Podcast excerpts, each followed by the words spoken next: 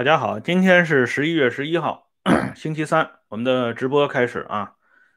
今天继续昨天没有结束的话题，说一下毛泽东那个著名的大出纳、中央办公厅特别会计室主任赖主烈的一个小结局。赖主烈这个人的结局啊，挺惨的。他是侥幸活到一九八三年，但实际上。他最后的这几年活得非常辛苦啊，可以说是一身都是毛病，经常是在医院度过的。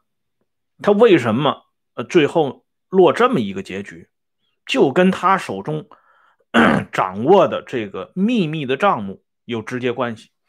要不说这人呢，伴君如伴虎，一丁点都没错。杨尚昆被解除中央办公厅主任之后，汪东兴全面接管中办，于是就提出来让赖主烈把钥匙交出来，把账目交出来。但是赖主烈他不是一般人，他不仅仅是毛泽东的内出纳，同时他是周恩来的财政秘书。此人在南方局多年追随周恩来。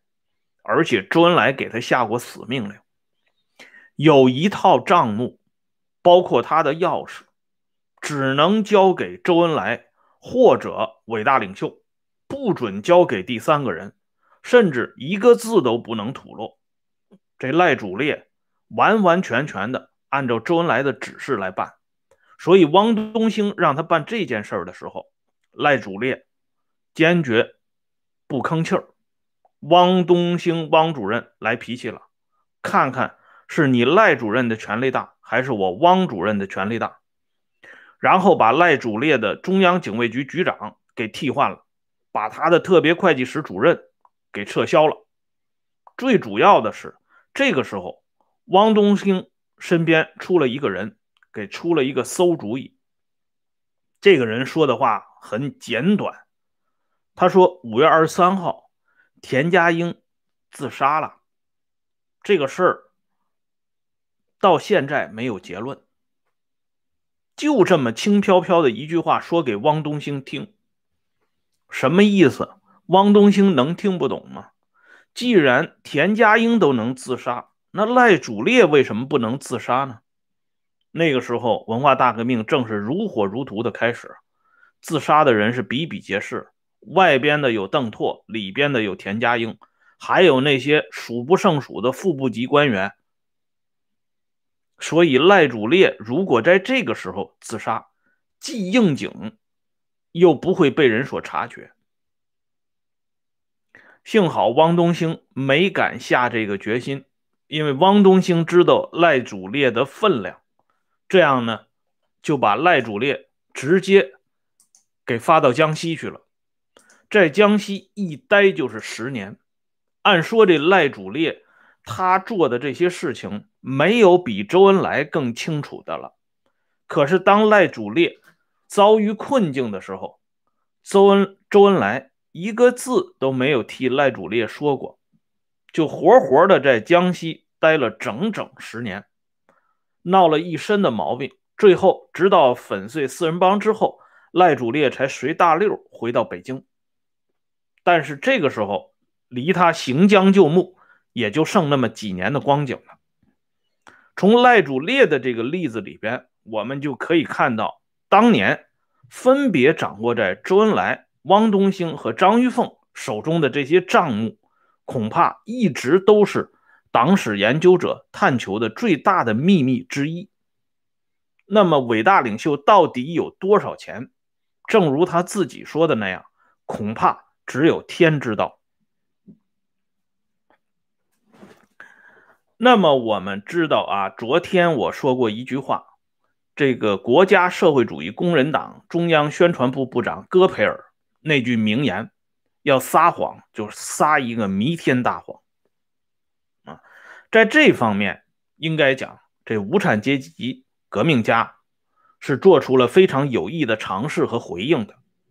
这里呢，我们举一个例子，比如说李自成，作为明朝末年的著名的无产阶级领袖，他就撒过一个非常大的谎。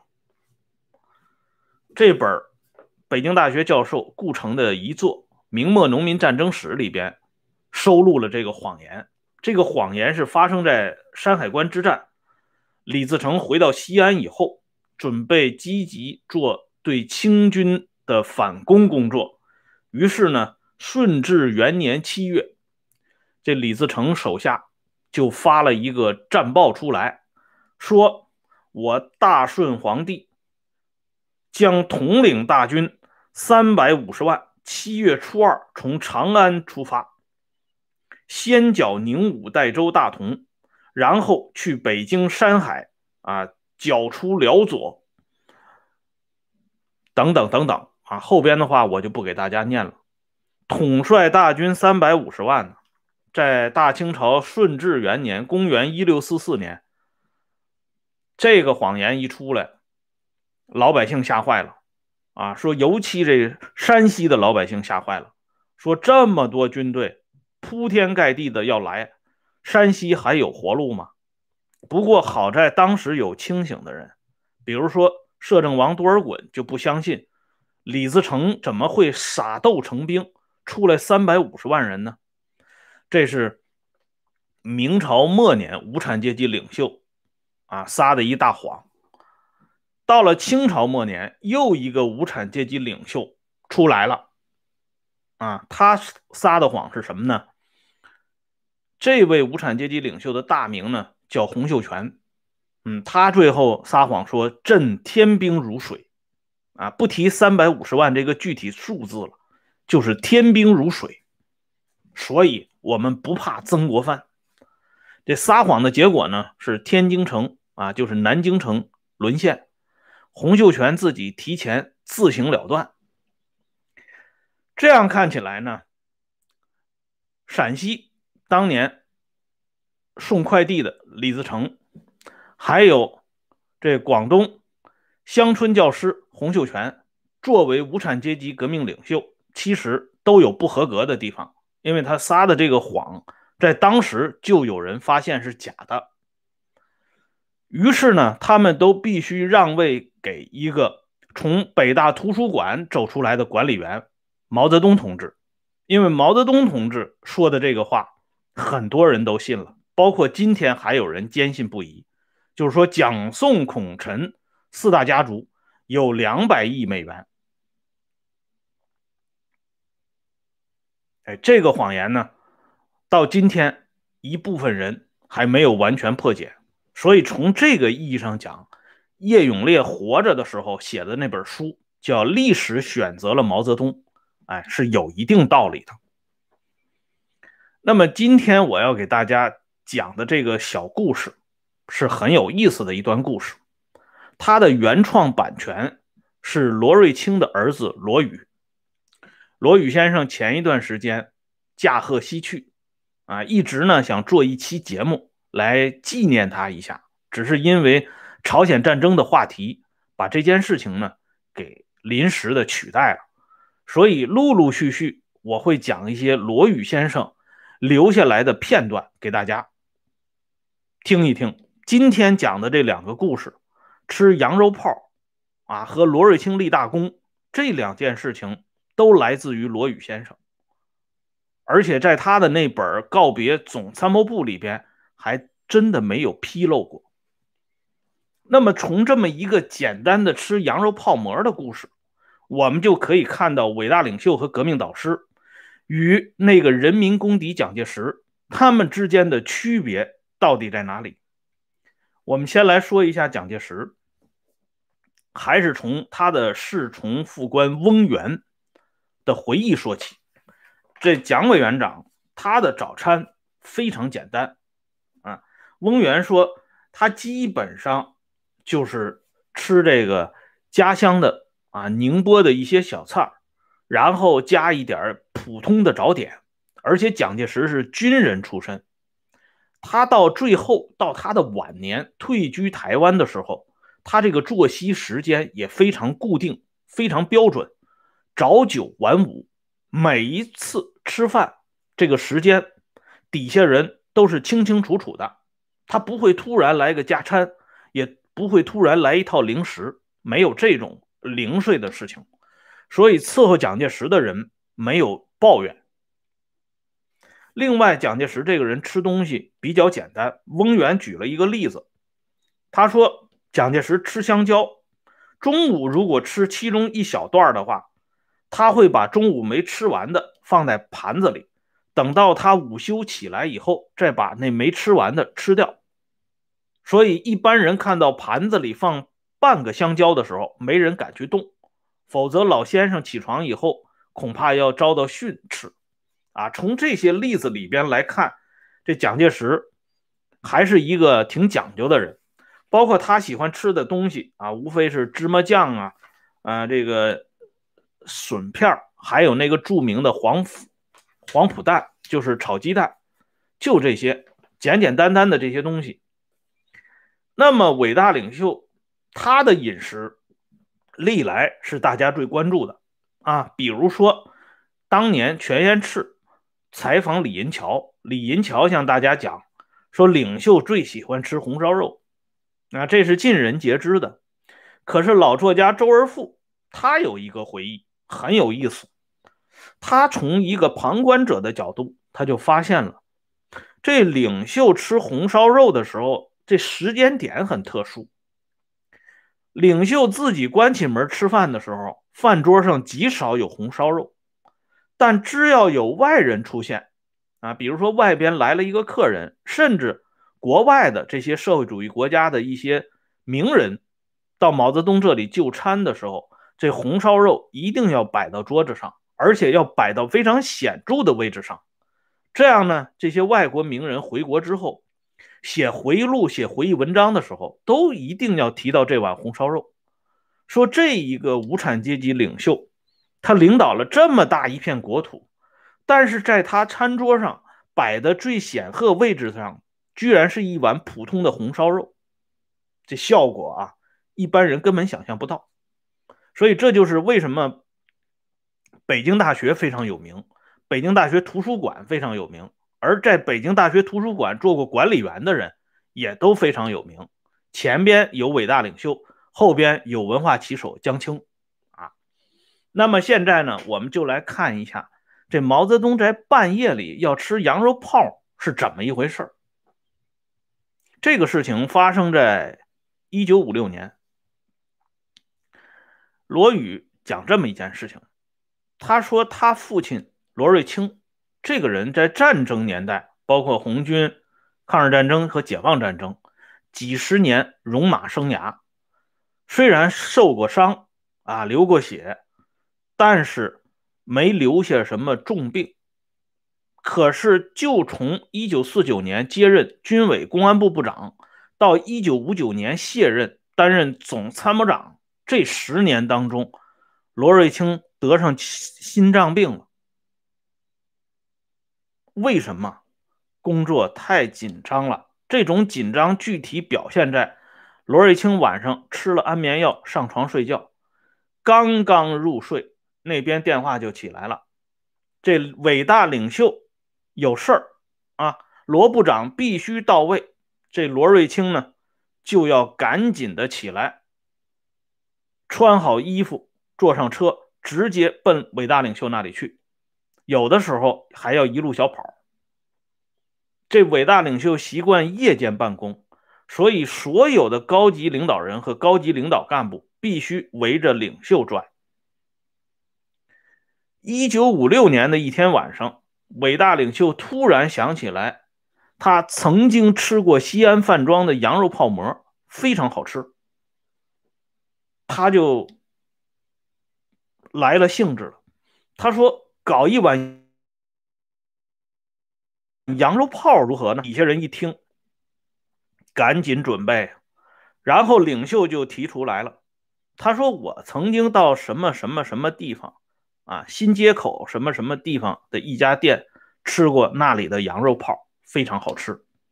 这底下人更懵了啊，因为这厨师这御厨恐怕做不出人家的那个味道，怎么办？赶紧给罗部长打电话。这罗瑞卿接到电话以后，心里是一百个不耐烦呢。但是不敢说出来，因为你要说出来，马上就有人汇报到领袖那里。怎么领袖要吃个羊肉泡，你都不耐烦吗？所以罗瑞卿急中生智，这个人很厉害。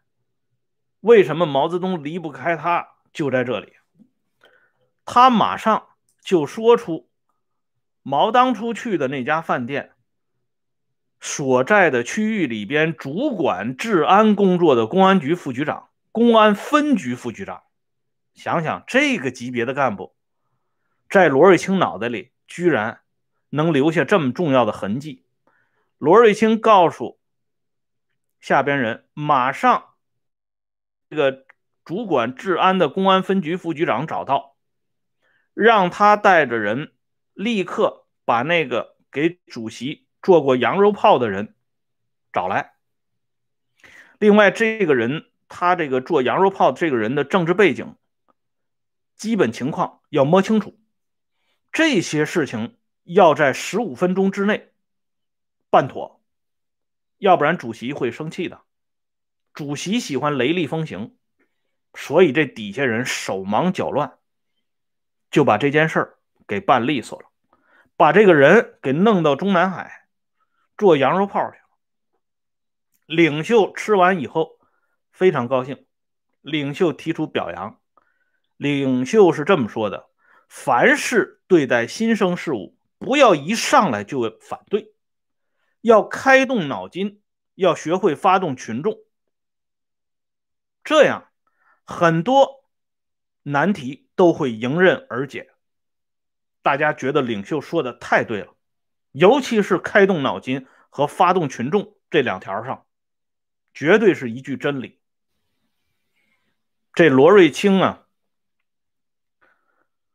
他之所以啊让毛泽东视之为拐杖，从这件小事上就能够看出来。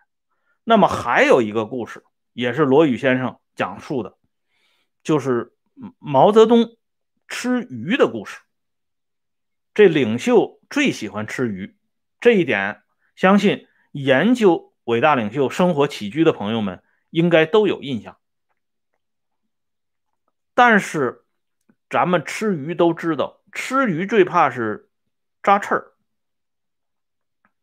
而且毛泽东喜欢吃的鱼都是刺儿特别多的。这个时候呢，罗瑞卿他的重要作用就体现了。有一次，毛泽东吃清蒸石鱼，被刺给扎了，扎了之后，底下人就赶紧想办法。啊！采取手段要把这刺儿赶紧弄出来。这个时候还是罗部长出来了，罗瑞卿出来了，用一根小小的镊子把这根刺儿从主席的嘴里给钳出来了。这件事情，毛泽东足足夸罗瑞卿夸了三个月。罗瑞卿没有沾沾自喜，反而下了一道命令：以后再做清蒸石鱼。不准见到一根鱼刺儿。这个故事啊，不光是罗瑞卿这么说，咱们再来看一套核定本，纵横官方公开出版的二零零五年的核定本，第十二期上边刊载了一位重要人物的回忆文章。此人大名叫于纯，他的头衔是什么呢？是御厨，他是著名的。川菜的名厨黄子云的师弟，黄子云当年在四川饭店那是大大的有名，一个四川饭店，一个北京饭店，这都是邓小平、彭真他们最喜欢吃饭的地方。黄子云伺候这几位大首长，那是搞得他们是啊心花怒放。可是黄子云伺候不了伟大领袖，只有他这位师弟。于纯能伺候伟大领袖，伟大领袖对于纯特别感兴趣。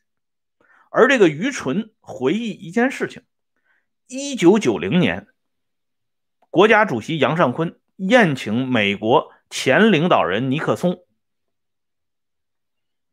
在北京吃了一顿别开生面的饭菜。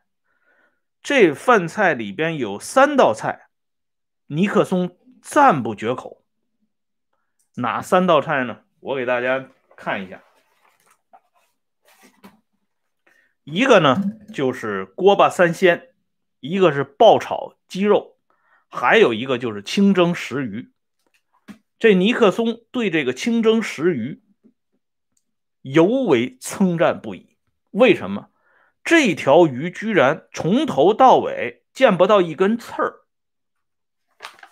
所以后来杨尚昆握着于纯的手说：“你的饭菜做得太好了，非常感谢。”然后尼克松也说：“今天晚上我和杨主席吃了一顿很好的饭，感谢。”后来就有人问这个于纯：“你怎么能做到这清蒸石鱼一根刺儿都没有呢？”这于纯说：“不是我怎么能做到，这都是罗部长给我们留下的规矩。所以这罗瑞卿，咱们今天说罗瑞卿立了大功劳，这不是随随便便讲的。那么接下来咱们还要讲一个关于……”毛泽东吃甲鱼的故事。当然了，今天这个时间呢不允许了，所以呢，吃甲鱼的故事留到明天接着说。感谢朋友们上来收看。我现在呢把这个温相说时政会员频道给大家发一下，感兴趣的朋友可以参加温相说时政会员频道，每天都有更新。